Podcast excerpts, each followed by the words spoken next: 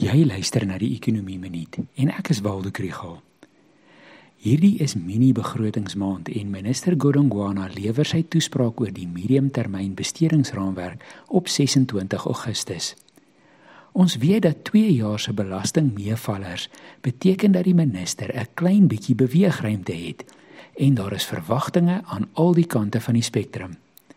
Ontleeders en beleggers wil graag sien dat die ekstra inkomste gebruik word om die las van staatsskuld te verlaag. Aan die ander kant maak die minister van maatskaplike ontwikkeling 'n saak uit vir die verlenging van die R350 COVID-toelaag.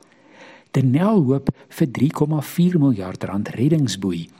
Die ouditeur-generaal kan nie sê of die poskantoor nog 'n lopende saak is nie en daar is nog 3 miljard rand nodig om SAA se sake reddingsplan af te handel. Dan is daar ook nog die groot items soos die herstrukturering van Eskom se skuld en die planne vir 'n nasionale gesondheidsversekering.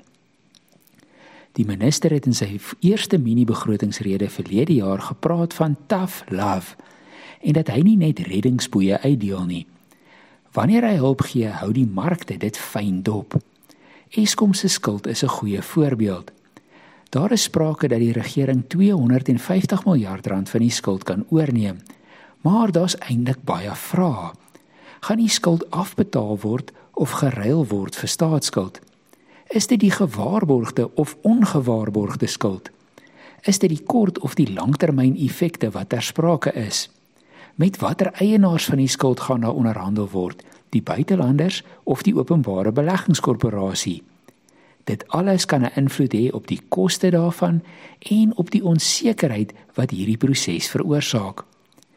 Dit sou goed wees as daar 'n manier was om die druk van die minister af te haal. As die hervormingsgesindes in die regering op 'n geloofwaardige wyse party van die slegste idees permanent van die tafel kon afhaal.